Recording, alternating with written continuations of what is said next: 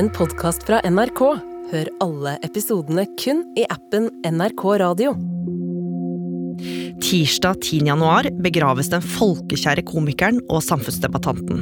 Norge har mista en av sine eh, viktigste innbyggere. Med humor og eh, satire kjempet hun for større frihet for alle.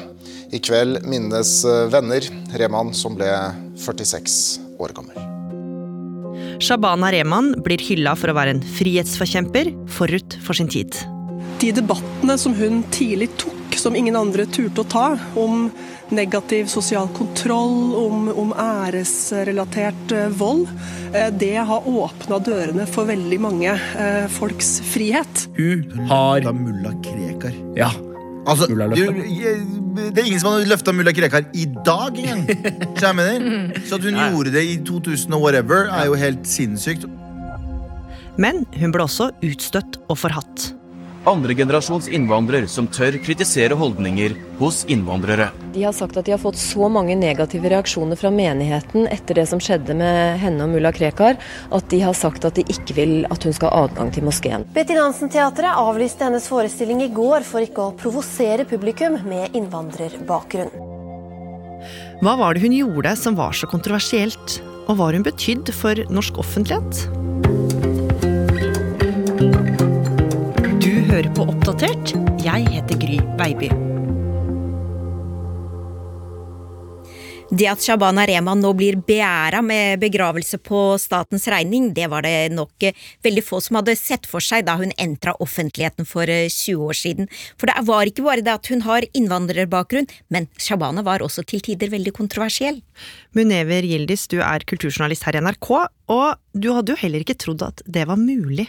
Nei, for jeg, jeg er bare fem år yngre enn eh, Shabana selv, og vi har nesten eh, samme bakgrunn. Vi er eh, fra Oslo øst begge to, vi har kommet fra innvandrerfamilier. Jeg syns jo Shabana var veldig kul da hun eh, entra offentligheten, men samtidig så skjønte jeg på de rundt meg, og spesielt det norsk-pakistanske miljøet, at det ikke var helt greit å like henne. Nei. Men hun ble jo kjent for å bane vei for andre. Og det starta på mange måter da han kom inn i offentligheten med et brak. Det var en tidlig desembermorgen i år 2000. I kiosker og butikker landet over så var avisstativene fylt med helgeavisene. Men det var én avis som skilte seg ut akkurat denne morgenen, for blant forsider om A1-stjernenes nye kjendisflørt og oppgjør i narkomiljøet, kunne Dagbladet Magasinet friste med en litt annerledes sak. For landets største helgemagasin hadde viet eh, forsiden til en smilende og blid og eh, veldig eksplosiv kvinne, en litt flørtende kvinne. eh, For eh, 23-åringen med langt hår, tradisjonelle pakistanske klær og bindi i panna, det var den unge standup-komikeren fra Oslo, Shabana Rehman. Hun hadde etter hvert skaffet seg et navn i humorverden og engasjert seg i den norske offentligheten, annet som eh, skribent i ulike aviser. Og I intervjuet fortalte hun om kampen mot konservative holdninger i innvandrermiljøene, og særlig det norsk-pakistanske miljøet, som hun jo selv var en del av. Hun snakket om tvangsekteskap, om eh, jomfruhinner, om kvinners frigjøring og at kvinner skulle snakke åpent om sin seksualitet. Men hun sendte også spark til rasistiske og fordomsfulle nordmenn. Men det var jo ikke bare kutt i det hun sa, Munever, som gjorde at folk så rødt, for det var jo også bildene. Ja, absolutt, for bildene var eh, hele greia i den eh, saken. Jeg husker det veldig godt. Det var en dobbeltside med sitatet 'Ja, jeg elsker dette landet'. På den ene sida så hadde hun på seg tradisjonell pakistansk drakt, sånn shalwar kamis, og på den andre sida så var det tydelig at hun hadde kasta plaggene. Nå sto hun helt naken med det norske flagget malt på kroppen og et stort smil om munnen. Og det skapte jo enormt med reaksjoner. Ja, om det gjorde det. For det var ikke noe man hadde sett før. En eh, flerkulturell kvinne, en eh, norsk-pakistansk eh, kvinne, naken i avisa. Det var usett og uhørt. I det norsk-pakistanske miljøet var det veldig mange som var rasende. De følte hun spyttet på kulturen hun kom fra, og mange mente at hun som kvinne hadde tråkket langt over grensen med det å vise seg naken i en av landets største aviser. Men samtidig så syntes jo jeg og mange andre unge med innvandrerbakgrunn at det hun gjorde var kjempegøy. Du så en eh, veldig sterk kvinne i fargesprakende klær, eh, med et stort smil om munnen, som så veldig trygg ut i seg selv, og så ut som hun likte det hun gjorde. Så det var ingenting å ikke like ved det bildet for meg, da. Og saken den ga henne enormt eh, med oppmerksomhet. Ikke bare fordi man nesten aldri så sånne som henne i mediene, men det at hun turte å snakke så åpent om så tabubelagte temaer, det gjorde at alle ville ha en bit av Shabana Rehman. Shabana Rehman er 24 år og en av de mest markante skikkelsene i et stadig voksende miljø av ressurssterke norsk-pakistanske ungdommer. Hun prega etter hvert flere avisforsider, hun begynte å turnere Norge rundt med standup-showet sitt, og hun ble invitert til TV-programmer, og hun var en ivrig debattant. Det kunne virke som at folk knapt fikk nok av den nye stemmen. I kveld har vi invitert en kvinne som pleier å spre både raseri og humør rundt seg. Komikeren Shabana Rehman. Shabana Rehman, velkommen hit. Det jeg lurer på, Er det et eksempel på rasisme, eller er det bare litt klossete? egentlig? Eh, altså Det kan virke harmløst, egentlig, men når det blir sånne drypp hele tiden i media, så blir det for mye bongo, rett og slett. Shabana Rehman, kjent dagbladsspaltist og ei sterk, ung kvinnerøyst i det norsk-pakistanske miljøet, er lei av holdningene til de norske imamene. De neste åra så ble det norske folk mer kjent med Shabana, og hun åpna mer opp om bakgrunnen sin, Munever. Ja, hun gjorde det.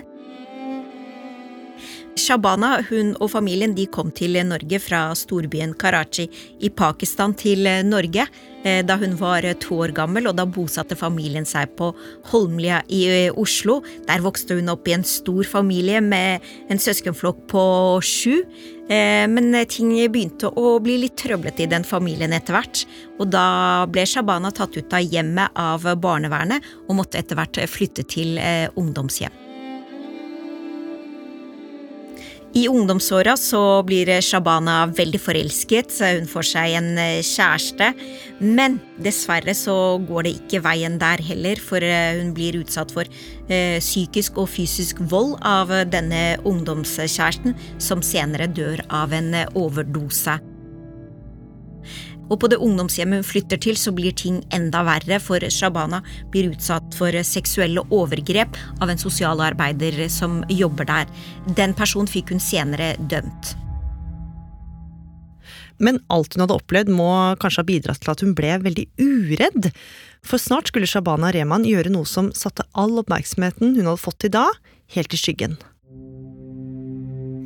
Det var en kveld i april i 2004 på et utested som ikke eksisterer lenger, som het Smuget. Midt i Oslo sentrum hadde mange mennesker samla seg til et slags eh, bokbad. Og på scenen satt en eh, mann i mørk dress, litt alvorstynget, eh, med mørkt hår og langt, mørkt skjegg. Det var forfatteren selv. Det var selveste mulla Krekar. Og det kan jo godt tenkes at eh, politiet fulgte med denne kvelden, for mullaen var allerede da mistenkt for å drive med terrorplanlegging. Han var en fyr mange frykta, og regjering etter regjering hadde prøvd å kaste ham ut av landet. Han var også dømt for eh, flere drapstrusler.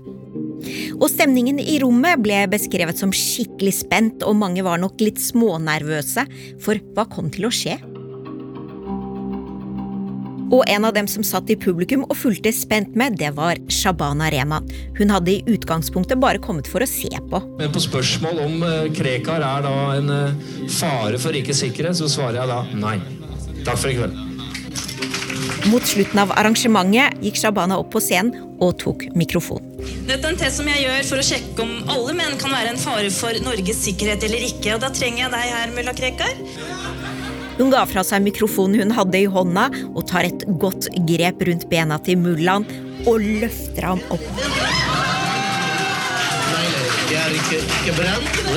En mann som blir båret av en kvinne, kan ikke være en fundamentalist.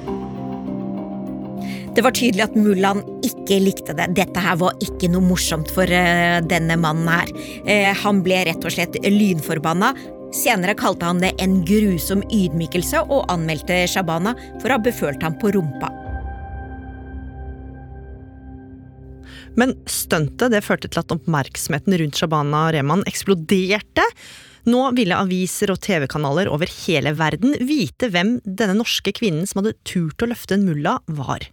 Og mange hylla henne for å ha avkledd eh, Krekar, men det var jo ikke alle som var like fornøyde. Nei, flere mente at dette var en ydmykelse av eh, mullaen. Han var jo en religiøs eh, figur for eh, noen, og Shabana selv begynte også å få trusler fra folk som mente at hun hadde gått for langt. Men selv om mange mente at hun med det hadde tråkka over en grense og at hun burde beklage, så stoppa ikke Shabana. For idet filmfestivalen i Haugesund skulle åpne i 2005, så hadde hun nye store planer. Shabana var på festivalen for å holde åpningstalen da hun inviterte daværende kulturminister Valgjerd Svarstad Haugland fra Kristelig Folkeparti opp på scenen. Jeg kan love deg at du får flere stemmer på det. Og kanskje du mister noen også. Og idet hun kommer opp på scenen, la Shabana armene rundt henne og ga henne et skikkelig skyss på munnen. Mm. Var kanskje inspirert av Madonna og Britney. Det var ikke lenge siden at de hadde gjort det samme i Hollywood. Men hvis jeg skal vise dere det som virkelig er kontroversielt blant pakistanere i dag, så se på dette. Som om ikke det var nok, snudde Shabana ryggen til publikum og dro ned buksa og viste frem rumpa si. Det er kontroversielt! Så noe tungekyss var det ikke, altså? Nå virka det som om det ble en eh, vane for eh, Shabana. Hun elsket å provosere, og hun var fullstendig klar over at hun ville få reaksjoner for det hun gjorde. Men hun var også tydelig på at hun hadde en eh, klar tanke bak hver eneste stunt hun gjorde. Og denne gangen i Haugesund så var det et stikk mot tvangsekteskap. Men denne gangen skulle konsekvensene av Shabanas noe utradisjonelle påfunn bli skikkelig alvorlige. En augustnatt i 2005 ble det løsnet 17 skudd mot en restaurant midt på Grünerløkka i Oslo. Kulehullene vitner om det som skjedde på Grünerløkka i Oslo i natt. Vinduene på hele fasaden er skutt i stykker. Det ble avfyrt mellom 10 og 20 skudd. Restauranten var stengt, men flere naboer våknet av bråket. Jeg våkna i min natt sånn ti over fire av at det var røsten av skuddsalver. Da, sånn virkelig sånn maskingeværsalver. Det viste seg at restauranten tilhørte Shabanas søster, og Shabana mente det som skjedde, var en reaksjon på det stuntet hun gjorde i Haugesund. Hvis dette har noe med det jeg gjorde i Haugesund å gjøre, så eh, mener jeg at jeg hadde fullstendig rett til å gjøre det jeg gjorde der. Og eh, ingen i dette landet skal bli utsatt for vold for å si hva de mener eller bestemme over sin egen kropp. Ingen. For Shabana ble dette en eh, vekker, for nå ble familien hennes rammet. Eh, hun fikk med egne øyne se hvor langt meningsmotstanderen hennes var villig til å gå. Men alt som skjedde, fikk store konsekvenser. Shabana turte bl.a. ikke å ta taxi, for det var flere norskpakistanere som kjørte taxi på den tiden, og hun opplevde det som ukomfortabelt, har hun senere fortalt. Hun turte ikke å ferdes alene i byen, eh, så da bestemte hun seg for å dra til utlandet. De neste fem åra bodde hun i New York. Og da hun flytta hjem, så hadde ting roa seg, men Shabana ble ikke stille. Selv om det ikke ble de store kontroversielle stuntsene, så engasjerte hun seg på andre måter. De neste åra var hun stadig å se og lese i debatter om integrering. Hun meldte seg inn i Miljøpartiet De Grønne og deltok på forskjellige protester. Fram til 2017, hvor hun kom med en stor nyhet. Shabana hadde da fått en telefon fra stortingsrepresentant Abid Raja. Han fortalte at regjeringen ønsket å gi penger til organisasjoner som kjemper mot negativ sosial kontroll i innvandrermiljøer. Det vekket engasjementet i Shabana igjen, hun ble kjempegira, for det var jo nettopp det hun brant for. Det var dette hun hadde flekka av seg buksa for og løfta mullaen for, så dette var jo en ypperlig mulighet for Shabana og sammen med to andre så startet hun organisasjonen Født Fri. Og Shabana var stadig å se i møte med regjeringa og i debatter om sosial kontroll. Og i løpet av bare noen år så hadde organisasjonen hennes fått nesten 15 millioner kroner i statsstøtte. Men så, i 2020, så skjedde det noe som skulle sette hele arbeidet i et annet lys. I avisa Vårt Land så kom det fram av folk på innsida av organisasjonen at de hadde varsla om det de mente var sløseri med alle pengene organisasjonen hadde fått fra statskassa. For en gjennomgang viste at organisasjonen hadde brukt penger på å reise til seminarer på dyre spa-hoteller og dyrt teknisk utstyr. Og så var det brukt eh, titalls tusen kroner på restaurantbesøk. I tillegg hevdet en av de ansatte at vedkommende ble gitt oppgaver som å lufte hunden til Shabana og rydde i garderobeskapet hennes. I tillegg kom det frem at Shabana og komiker Sahid Ali, som jo var eh, bestevennen hennes, hadde brukt penger på å reise til London for å få inspirasjon til en skolerevy. Shabana selv mente kritikken var urettferdig og at organisasjonen ikke hadde gjort noe ulovlig, og engasjerte også egne advokater for å imøtegå det som kom fram. Men for folk så så det kanskje ikke så bra ut med never. Nei, dette var jo et skikkelig nederlag for Shabana. Hun mistet nok mye anseelse i folks øyne. Organisasjonen mistet etter hvert statsstøtten og ble slått konkurs, og Shabana mistet jobben. Hun har selv beskrevet dette som et av hennes største nederlag i livet. De neste åra så ble det litt eh, roligere fra Shabana i offentligheten, men i 2022 så skulle det norske folk få en mulighet til å se henne på en helt ny måte. Borte fra standup-scenen og uten en organisasjon i ryggen, så skulle man denne gangen få se Shabana Rehman på en gård. I sesong seks av Farmen kjendis var Shabana en av deltakerne. Hun kom inn med en strikket genser, eh, full av energi, litt bustete på håret, og var klar til å gi alt. Shabana Rehman, Ja. du er velkommen til det. Og her er potetåkeren, holdt jeg på å si. Ja. Denne gangen virket det nærere, man fikk se henne melke kuer, stelle dyr, og man fikk vite litt mer av hvem hun var som person. Mange mente at hun var litt eh, for rett frem og kanskje litt brå, men samtidig kunne man se at hun, var, hun hadde fått en ro over seg og kanskje blitt litt mer spirituell, hadde med seg en tromme og mediterte støtt og stadig blant kyrne og vandret rundt i skogen alene. Men samtidig som episodene av realityserien rulla over norske skjermer, så var livet hennes på vei til å ta en ny og brå vending. Våren 2022 ble Shabana innlagt på sykehus, og fikk kort tid etter vite at hun hadde kreft i bukspyttkjertelen med spredning. Som jo er en av de mest alvorlige formene for kreft. Og om ikke behandlingen virka, trodde ikke legene at hun ville overleve året. Hun starta da på cellegift, men ble sykere og sykere, og man så det veldig tydelig på henne. På de siste bildene av henne så ser hun jo veldig avmagret ut, hun ble bare tynnere og tynnere. Men hun var åpen om det hun gikk gjennom og kreftsykdommen. Hun skrev annet en blogg, hun ga flere intervjuer hvor hun fortalte om hvordan det var å være kreftsyk. Og på de intervjuene så kunne man se at Shabana var svekka. Først så var jeg jo litt sånn Hvis jeg skal dele hvilke valg jeg nå tar, uh, før jeg har fått fasiten, før jeg vet om det har gått bra, uh, kan jeg gjøre det? ikke sant? For jeg vet jo at mange følger meg. Men jeg bestemte meg å være fortløpende åpen om alt. Siden det ble tydelig at den tradisjonelle behandlinga ikke virka, søkte hun etter alternative behandlingsformer. En av hennes nærmeste barndomsvenninner hun opprettet en spleis for henne, og der klarte de å samle over én million kroner. Og på sommeren så reiste hun til Tyskland for første gang for å få en annen type behandling. Det ble flere turer, og etter hvert så virka det som hun var mer optimistisk. Men hun ble bare sykere og sykere og 29. desember kom den triste nyheten. Shabana Rehman har vært en viktig stemme i norsk offentlighet i flere tiår. Hun brukte humor og satire for å rette fokus mot urettferdighet og diskriminering. Nå er hun død, 46 år gammel. Rehman fikk flere priser for engasjementet sitt. Hun var alvorlig kreftsyk den siste tiden, men også da brukte hun stemmen sin for å formidle hvordan det er å være alvorlig syk. Inger Merete Hobbelstad, kulturkommentator her i NRK. hva Shabana Rehman betydd for norsk offentlighet?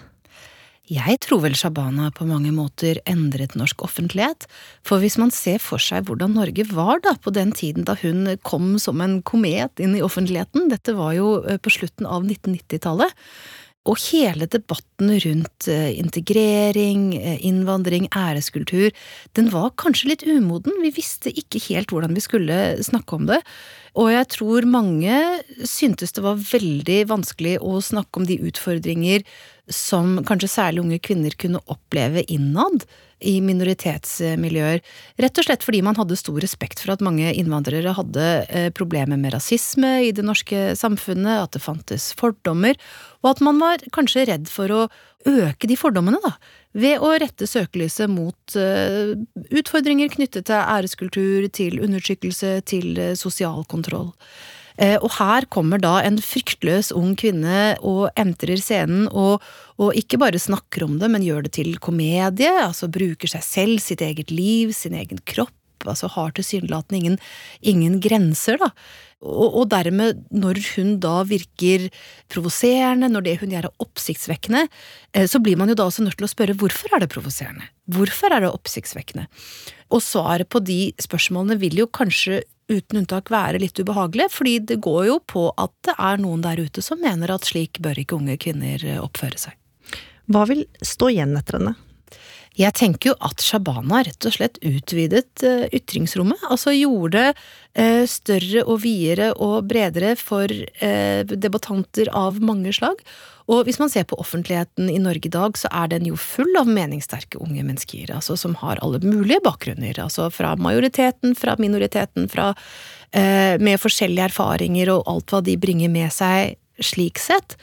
Eh, og forskjellige syn på samfunnet og på hva som er riktig i bevegelsen eh, fremover. Og jeg tenker jo at nettopp det at rommet har blitt så stort, det blir jo ikke det helt av seg selv.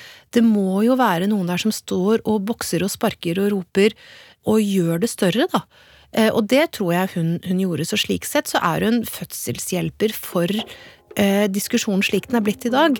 Og dette sier jeg uten å ville ta noe vekk fra de mange meningssterke folka som har eh, tatt ordet selv og bygget seg opp på egen hånd.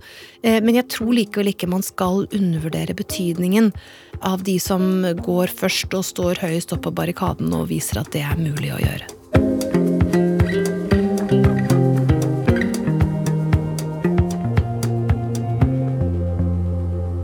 Oppdatert er en podkast fra NRK Nyheter, og denne episoden den ble laga av oss. Produsent Lars Hægeland. Ayan Aden. Lyddesign Andreas Berge. Vaktsjef Ina Swann. Og jeg heter Gry Veiby. Programredaktør er meg, Knut Magnus Berge. Klippene du har hørt, er fra TV 2 og NRK. Har du tips eller innspill, så må du gjerne sende oss en e-post på oppdatert krøllalfa nrk.no. En podkast fra NRK. P3 Morgen. God morgen, godt å ha dere med. Her er alle velkommen. Dynga. Vi skal gjøre deg litt dummere på forskjellige temaer, men også lykkeligere, da. Jo mindre du vet, jo hyggeligere har du det. Med all respekt. Veien til lykke er å mate barnet i deg. Love you guys. Hør, da. Meld deg inn i IS eller flytte til Nord-Korea. Oi. Eh, jeg hadde meldt meg inn i IS og tatt en kule for Hemsedal, altså. Alle episodene av podkastene, inkludert de aller nyeste, finner du kun i appen NRK Radio. NRK Radio. Vi hører sammen.